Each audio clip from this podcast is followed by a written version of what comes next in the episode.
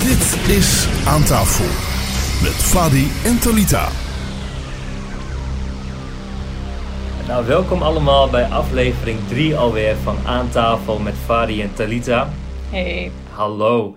Ehm, deze week gaan we het hebben over ons verleden. We kijken terug naar ons jeugd. We kijken terug uh, naar onze schoolperiodes. En ook deze week hebben we weer onze volgers gevraagd om wat vragen uh, in te sturen. En weer zijn er heel veel leuke vragen binnengekomen. Ja. Vond je ook? Ja, ja vond ik wel. wel ja. Um, ook wel een beetje wat ik had verwacht. Wat had je ervan verwacht? Ja, wat ik, ik had wel een beetje verwacht dat we wat binnen zouden krijgen, ook over onze achtergrond en dat soort ja, dingen. Ja. ja, maar dat vind ik ook wel leuk. Ik denk dat daar ook best wel veel over te vertellen valt. Ja, ik denk het ook wel. En dat het ook wel een keer goed is om dat uitgesproken te hebben. En dat mensen weten hoe het nou allemaal in elkaar steekt. Want ik heb ook wel heel vaak het idee dat men dat eigenlijk helemaal niet weet. Nee, klopt. Ehm, wil jij beginnen? Begin ik? Hoe wil je het doen? Ehm, nou ja, ik heb als eerste wel een vraag die ik eruit wil halen. Ja. Ehm, want wat ik zei is dat, dat het natuurlijk heel veel ging over onze, ook over onze achtergrond. Klopt. Ehm, jij bent natuurlijk gevlucht vanuit Irak Ja. met je familie naar Ja. Nederland toe. Eh, ik ben hier geboren met als ouders vluchtelingen. Ja. Maar hoe was voor jou die ervaring? Hoe was het dagelijks leven in Irak? Hoe was het om hier naartoe te komen? Dat, ik denk dat dat wel mooi is om, om Ja, een soort ik- van levensloop te Ik geven. heb dat ook voorbij zien komen in de vragen, inderdaad. Ehm, hoe dat voor mij was. Ja, weet je wat het is? Als ik die vraag krijg, dan zeg ik ook altijd van... Ik heb het als heel positief ervaren. Terwijl zo'n periode eigenlijk niet positief is. Maar dat komt door eh, de manier waarop mijn ouders daarmee om zijn gegaan. Zij hebben er eigenlijk voor gezorgd dat, ehm, dat mijn broertje en ik... Want mijn broertje is later ook in een AZC geboren... Dat die eigenlijk niet zo heel veel hebben Ehm, dat we eigenlijk niet zo heel veel gemerkt hebben van de negativiteit wat toen eigenlijk een beetje bezig was in ons leven. Dus als ik daaraan terugkijk, dan denk ik wel echt aan vier tot zes goede, fijne jaren. Hoe vaag dat misschien ook klinkt. Ja, jij was twee? Ik was drie. Drie. Drie, ja, wij waren drie. En wat ik mij nog kan herinneren is dat we toen in Enschede aankwamen. Want daar hadden wij een asielzoekerscentrum waar we dus geplaatst werden. En ehm, ik weet nog dat we heel warm werden verwelkomd. Je had overal ballonnen en het was één groot feest dat je dan nu in het AZC binnenkwam. Terwijl we daar nu heel anders misschien over denken. Dat is heel apart Mhm. eigenlijk. Wat ik me ook nog kan herinneren is dat het eigenlijk een soort studentencomplex is met heel veel verschillende kamers. En op een gegeven moment woon je gewoon samen met al je vrienden in dat grote complex, weet je wel. En dat vond ik, ja, dat vond ik echt wel, daar kijk ik nog steeds wel echt gewoon met plezier naar terug. Mhm. Van die lange gangen waar je dan doorrijdt met je vrienden. Je speelt verstoppertje, tikketje. De ene keer blijf je bij die slapen. En het lijkt dan alsof je heel ergens anders slaapt. Maar je bent gewoon eigenlijk thuis. En ook weer niet of zo. Ja. Dus ik kijk, ik kijk zeker terug naar een positieve, tij- positieve tijd. Maar ik weet ook dat mijn ouders ehm, het echt als heel naar hebben ervaren.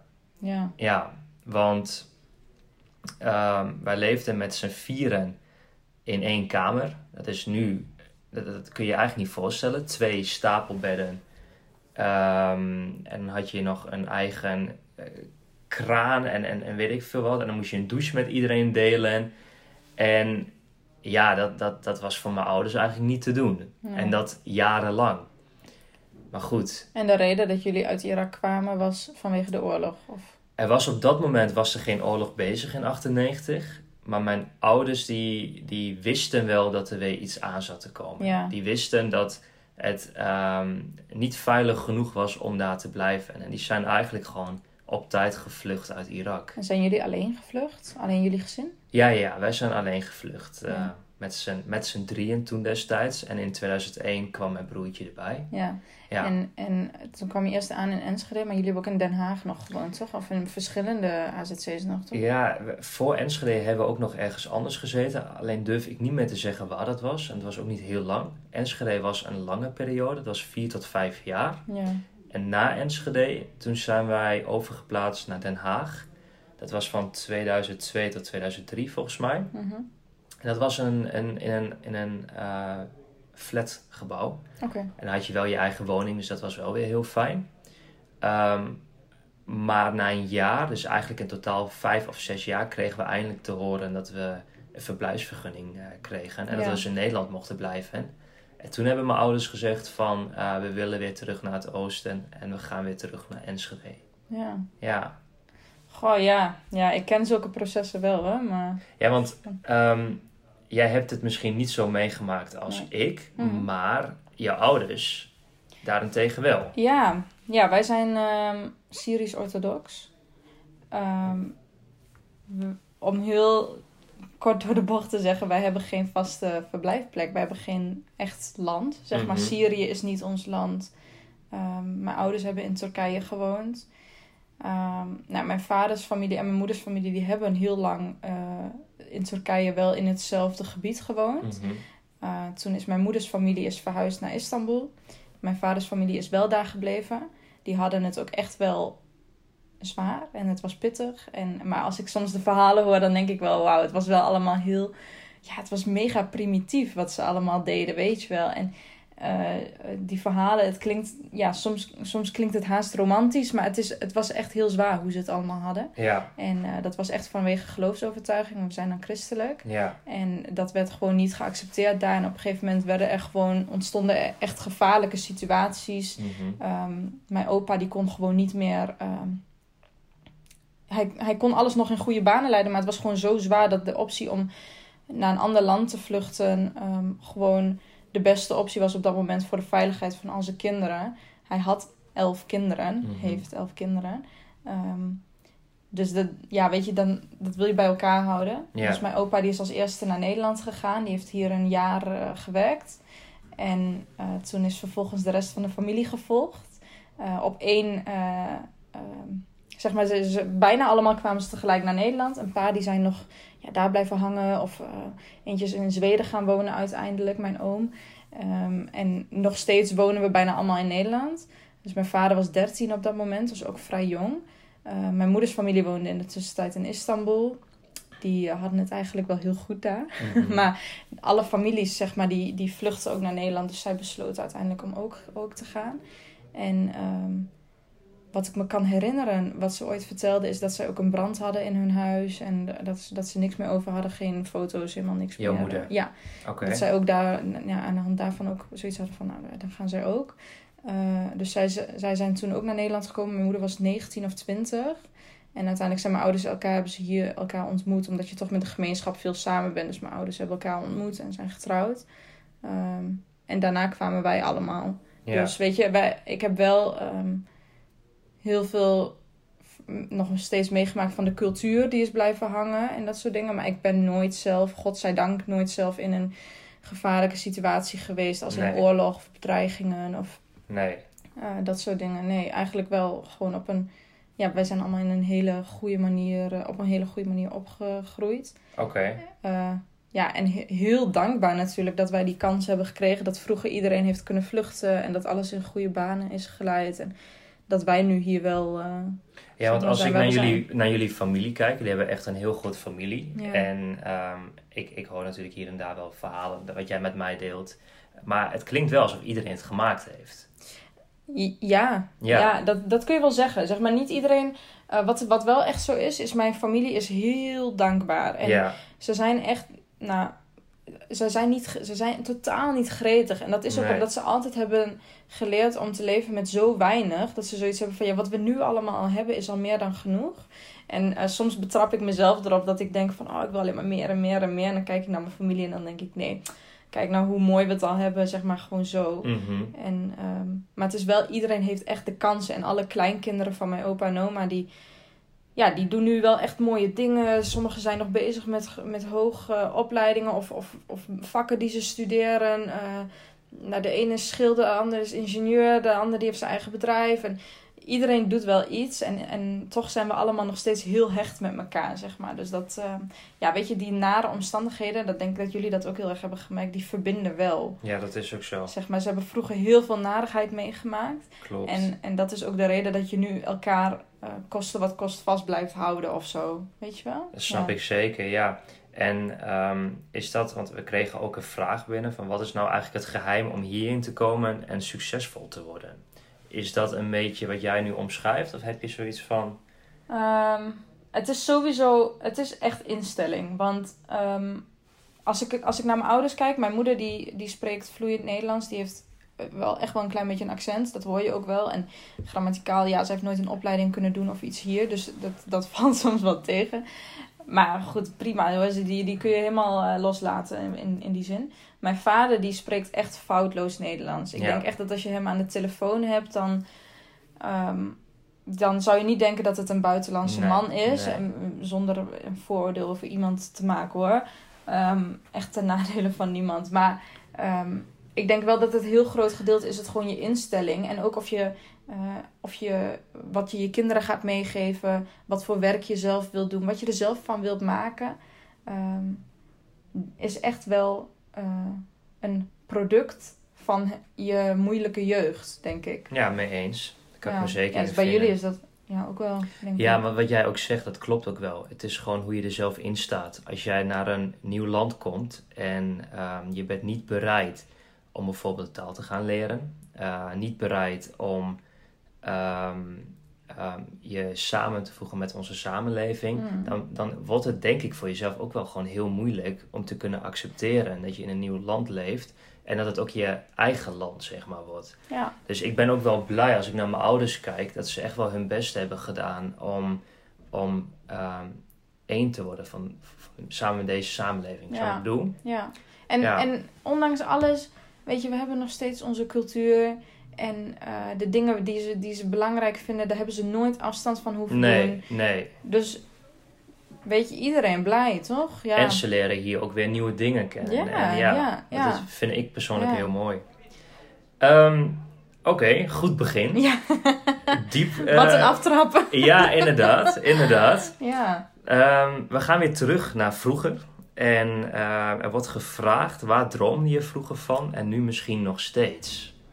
Ja, daar moet ik even over nadenken. Wil jij eerst? Ja, ik, ik droomde er altijd al van om eh, presentator te worden. Oh, Ja, ik, oh ik, ja, ja. ik was altijd zo'n kind. Ik, ik keek nooit naar Fox Kids of naar eh, Jetix. Of ik weet niet meer hoe dat Jetix heette dat het zo. niet. Er was zo'n zo'n kinder-tv-ding.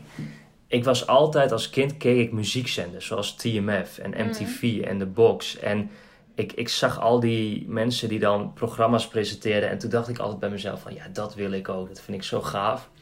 En het was voor mij echt een ramp toen op een gegeven moment TMF verdween. En ik dacht van, dat was mijn droombaan. Dat is nu gewoon in één keer weg. Ehm, maar ik wilde altijd al presentator worden. En ik vind het nog steeds echt wel heel leuk om, om eh, te praten en te doen. Mhm. Ik weet niet of presenteren voor mij is weggelegd. Dat, dat moet ik, daar moet ik wel eerlijk in zijn. Maar dat is wel iets wat ik altijd al wel heel leuk heb gevonden. Ja. En wat daaraan vond je dan leuk? Wat ik daaraan, ja, dat, dat, dat weet ik niet. Op de een of andere manier trok dat mij gewoon heel erg. Mhm. Dat ik dat gewoon heel interessant vond. Ja, precies. Ja, Oké. en misschien is het ook wel een beetje ehm, eh, media wat erbij komt kijken. Want ik vind media heel leuk. Mhm. Zoiets denk ik, ja. ja. Ja, precies. En bij jou?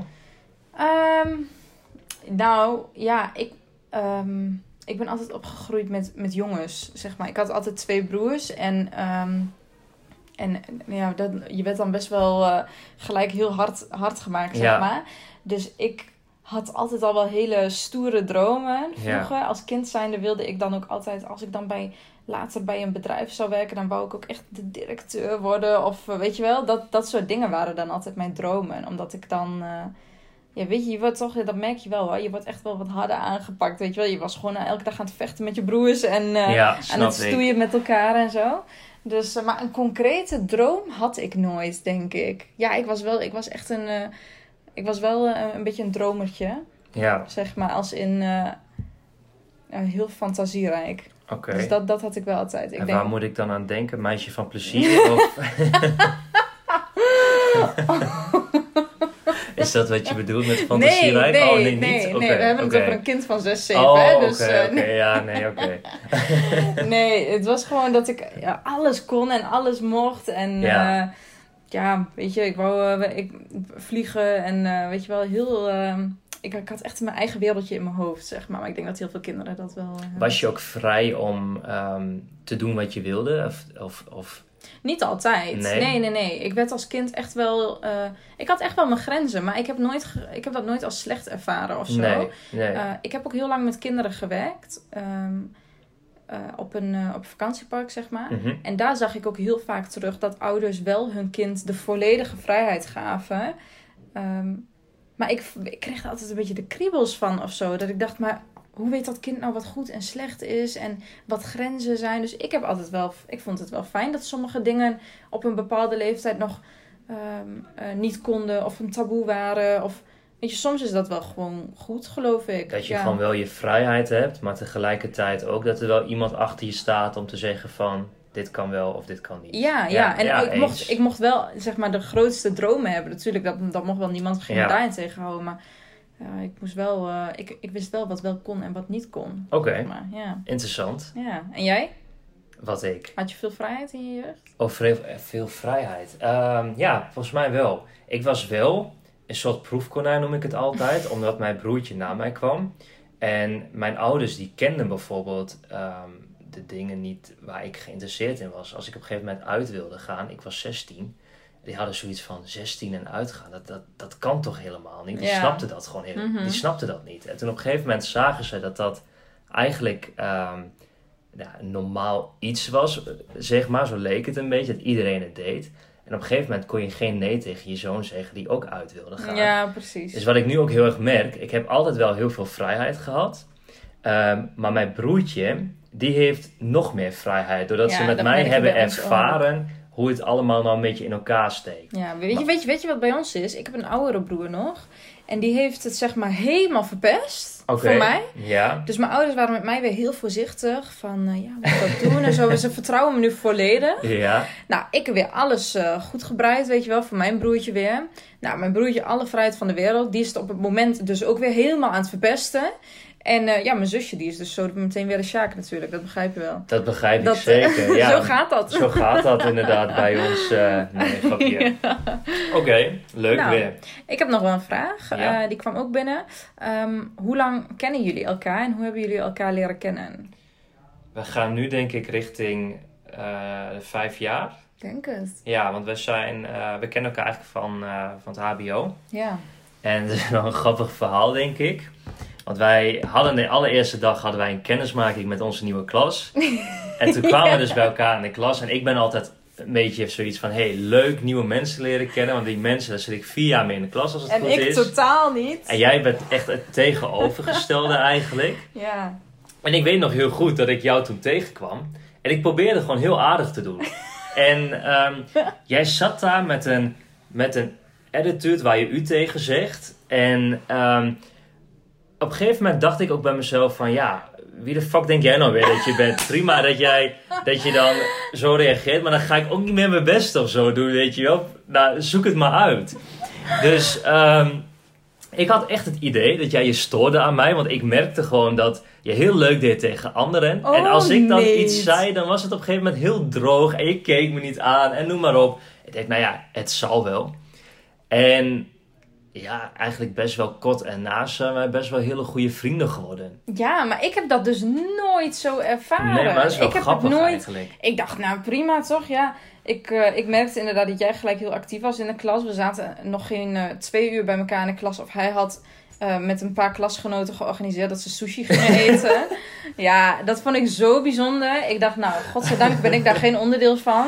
Maar dat was ik dus. Ik, ik vond dat, eh, ja, ik vind dat doodeng joh. En ik dacht van, oh jee, mag man, moet ik weer helemaal nieuwe mensen leren kennen. Ja, Maar ik vond, eh, ik heb nooit gedacht van, oh god, hier irritante vent, weet je wel. En wij moesten toen een keer, wat was het? Volgens mij, oh nee, dat was het jaar daarna pas. Maar wij werden in het eerste jaar werden we al heel snel wel goede vrienden. Maar na een half jaar zaten we al niet meer bij elkaar in de klas. nee, klopt. Dat vond ik ook best wel een moeilijke periode, eerlijk gezegd. Omdat je dan ehm, best wel gehecht bent aan een klas. En ik vind, ik vind eh, sfeer heel belangrijk, weet je wel. Mhm. Ik bedoel, ik ga wel vier jaar lang naar een, elke dag naar school toe. Ja. En dan vind ik het wel belangrijk dat ik echt wel ehm, in een leuke klas zit. En toen onze eerste klas, dus waar we mee begonnen, vond ik echt een hele leuke klas. Kreeg ik ook heel veel energie van. Of heel veel energie door. En op een gegeven moment ehm, werden we gesplitst inderdaad. Kregen we nieuwe mensen in de klas. En ja, ik, ik voelde het allemaal niet meer zo eerlijk Nee, gezegd. En dat nee. vond ik wel heel jammer. Ja. Ja, nee, ik had toen inderdaad, toen kwam ik ook in een andere klas en ik had er niet heel veel, ik had er niet heel erg, ik had het niet door of zo dat het heel erg veranderde, want bij mij ja, ik was sowieso met jou was ik dan goed en met verder niet echt heel veel mensen ging ik om of zo. Nee, Maar eh, toen later kwam ik dan weer bij Omar in de klas ja. en toen werd ik echt matties met hem. En eh, nou, toen hebben we stage gelopen. Hij in Sevilla, ik ook in Sevilla. Dus toen hebben we elkaar daar ook nog vaak gezien. En ehm, toen kwam jij nog op bezoek bij ons. En eh, toen later gingen jullie dan ook weer met, me- met elkaar om. En ja. toen zijn we eigenlijk een soort van, ja...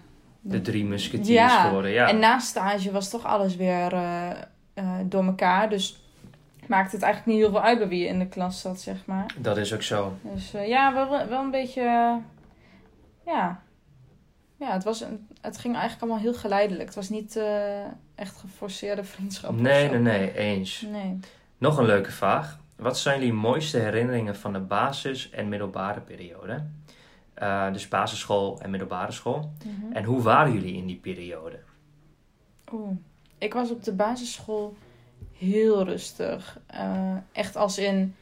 De leraren belden mijn moeder op om te vragen of ik Nederlands kon. Kan ze, kan ze praten? Of, Oh, echt ja, waar? het was echt, Was ik het- praatte ja? niet. Nee.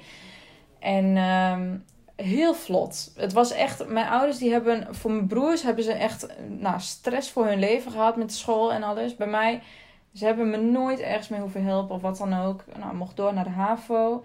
Middelbare school vond ik helemaal niks aan. Dat was ook, ik was er helemaal niet goed in. Ik zat op de HAVO drie jaar lang met echt tegenzin. Ik vond er niks aan. Ik kwam altijd te laat, moest altijd nablijven.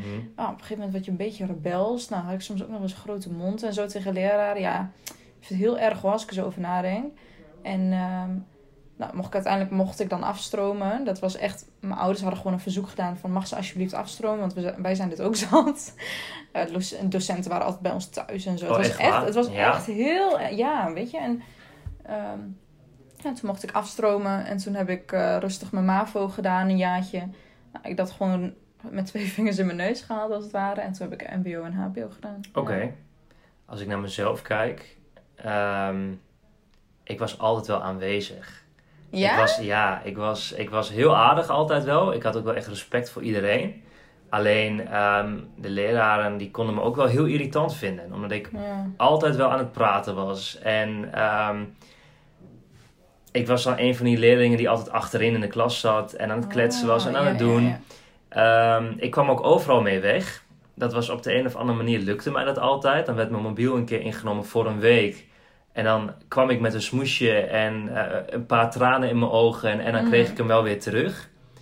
Ehm, nee, ik was, ik was geen vervelende leerling. Dat niet. Nee, zo klinkt het ook niet. Nee. maar ehm, ehm, ik denk wel dat als je aan een leraar vraagt, ken je Fadi nog? Dat ze dan denk ik wel weten wie ik ben. Dat denk Ja. ik wel. Ja, ja, ja. Ja. Dus eh, ja, Ja, dus je dat. hebt, heb je ook een paar van die docenten van vroeger waarvan je denkt, oh, die blijft me eigenlijk voor altijd wel bij of zo? Ja, er, zijn, er is één leraar eh, op de basisschool was dat. Want toen, toen ik in mijn AZC-periode zat, eh, ben ik best wel veel van basisscholen veranderd. En Mhm. op een gegeven moment eh, f- eh, zaten we in Den Haag. En toen moest ik in één keer naar Enschede toe. En toen zei die leraar ook tegen mijn ouders van... Ja, weet je, hij komt nu in één keer binnen. Misschien is het goed dat hij een jaar blijft zitten. En ik zag daar zo tegenop dat ik echt dacht van... Nee, maar dat wil ik niet. Ik wil niet blijven zitten. Mhm. Want destijds dacht je dat blijven zitten niet goed was. En dat je dan stom was en weet ik veel wat. Ehm, en, en, en die leraar die, heeft, die is daar zo goed mee omgegaan. Die heeft mij ook gewoon geholpen om, dat, om zeg maar groep 5 weer... Om, om daar ook echt doorheen te komen. En goede cijfers. En ik ben ook echt wel blij dat ik dat uiteindelijk heb gedaan. Dat ik Mhm. uiteindelijk ook echt ben blijven Ja. zitten. Want daardoor heb ik nu wel gewoon bereikt wat ik nu heb. Ja. En daar ben ik wel heel blij mee. Ja, Maar ehm, ja, meneer Reni heet hij. Die is me wel echt altijd bijgebleven. ja, Ja. grappig. Ja. En bij jou? ja, op de basisschool heb ik dat niet heel erg. Een docent die me echt is bijgebleven. Op mijn mbo had ik dat wel. En eh, dat was een docent die ook heel erg ehm, gewoon naar jouzelf keek, weet je wel. En niet per se naar wat je dan inleverde bij hem, maar ehm, echt persoonlijke ontwikkeling ging hij heel erg op in. Hij wist, hij wist gewoon wat je capaciteit was en wat je doelen waren. Ja. En hij zei ook, bijvoorbeeld, ik kwam op het mbo en niks ten nadele van het mbo. Maar ik, ik wist al van, nou, dit moet ik gewoon even doen en dan kan ik eindelijk naar het hbo. Ja, precies. En hij zei ook van, nou, ik zie gewoon wat je kan. Laten we er hier gewoon zo snel mogelijk doorheen gaan. Je gaat het gewoon versneld doen. En eh hup, zo er doorheen. En ehm, eh, ook na de tijd had hij dan bijvoorbeeld heeft hij Instagram en Facebook. En toen wou hij ons allemaal wel graag volgen, zodat hij nog steeds kon zien wat we doen. En af en toe stuurt hij nog een berichtje. En ehm, hij is heel betrokken, weet Dat je is wel. Ook, ook buiten zijn werktijd om. Ja. Dat vind ik wel heel mooi. Ja. ja. Oké, nou, dat is zeker leuk. De allerlaatste vraag alweer. Mm. Vieren jullie Sinterklaas vroeger? En zo ja, hoe? Nee, we hebben het nooit gevierd. Ik moet wel zeggen, heel af en toe eh, hadden mijn ouders ineens zo'n eh, zo'n bui dat ze ehm, een cadeau voor de deur, deur pleurden en op de bel, op de bel ook, gingen ja, drukken en dan wegrennen, weet je wel. maar ehm, wij hebben het nooit gevierd. Wij vieren echt altijd al kerst. Heel En, eh, uitgebreid. wij, wij zijn, ja, weet je, ook vanwege, ik denk ook wel echt omdat kerst bij ons echt een groot feest is. Mhm. Eh, ja, wij doen bijvoorbeeld een loodjes trekken en zo doen wij met kerst. Ja. En we, ehm, ja, we, we eten dan heel uitgebreid en zo. En Sinterklaas heb ik eigenlijk zelf ook nooit wat mee gehad. En ja, ik vind het ook niet per se een heel... Het is niet dat ik er naar uitkijk of zo. Nee. En ehm, ja, ik, vind niet, ik, ik heb er niet echt een gevoel bij. Ik vind kerst gewoon heel leuk. En ik vind voor de decembermaand eh, dat ook wel genoeg. Ja. zo, ja. Oké. Jij? Nee, ik, eh, we hebben het ook niet gevierd. Maar ik vind inderdaad de decembermaand heel leuk. Mhm. En ik, vind ook, ik vind het ook heel leuk als Sinterklaas weer in het land is. Wat vind je daar Ehm, dan leuk aan? Ja, op de een of andere manier is het toch wel dat iedereen weer vrolijk is. Al die kindjes. En ehm, eh, vroeger gingen wij wel altijd eh, naar de intocht van Sinterklaas. Daar brachten mijn ouders ons wel altijd naartoe. Mhm. Ehm, en dan inderdaad wel een klein cadeautje. Maar het was altijd wel van, eh, van ja, Sinterklaas heeft jullie een klein cadeautje gegeven. Maar de kerstman die is ook nog onderweg. En dan wisten we altijd wel dat, dat, dat we met kerst net wat meer cadeaus kregen. En dat we dat groter Ja. vierden en zo. Nee, ik had ook altijd klasgenootjes en die zeiden dan... Ja, wat heb je voor Sinterklaas gehad? En ik echt, ja, weet ik veel, een fietsbel of zo kreeg ik dan. Ja, en, dan ja, en dan mijn klasgenoten gewoon echt...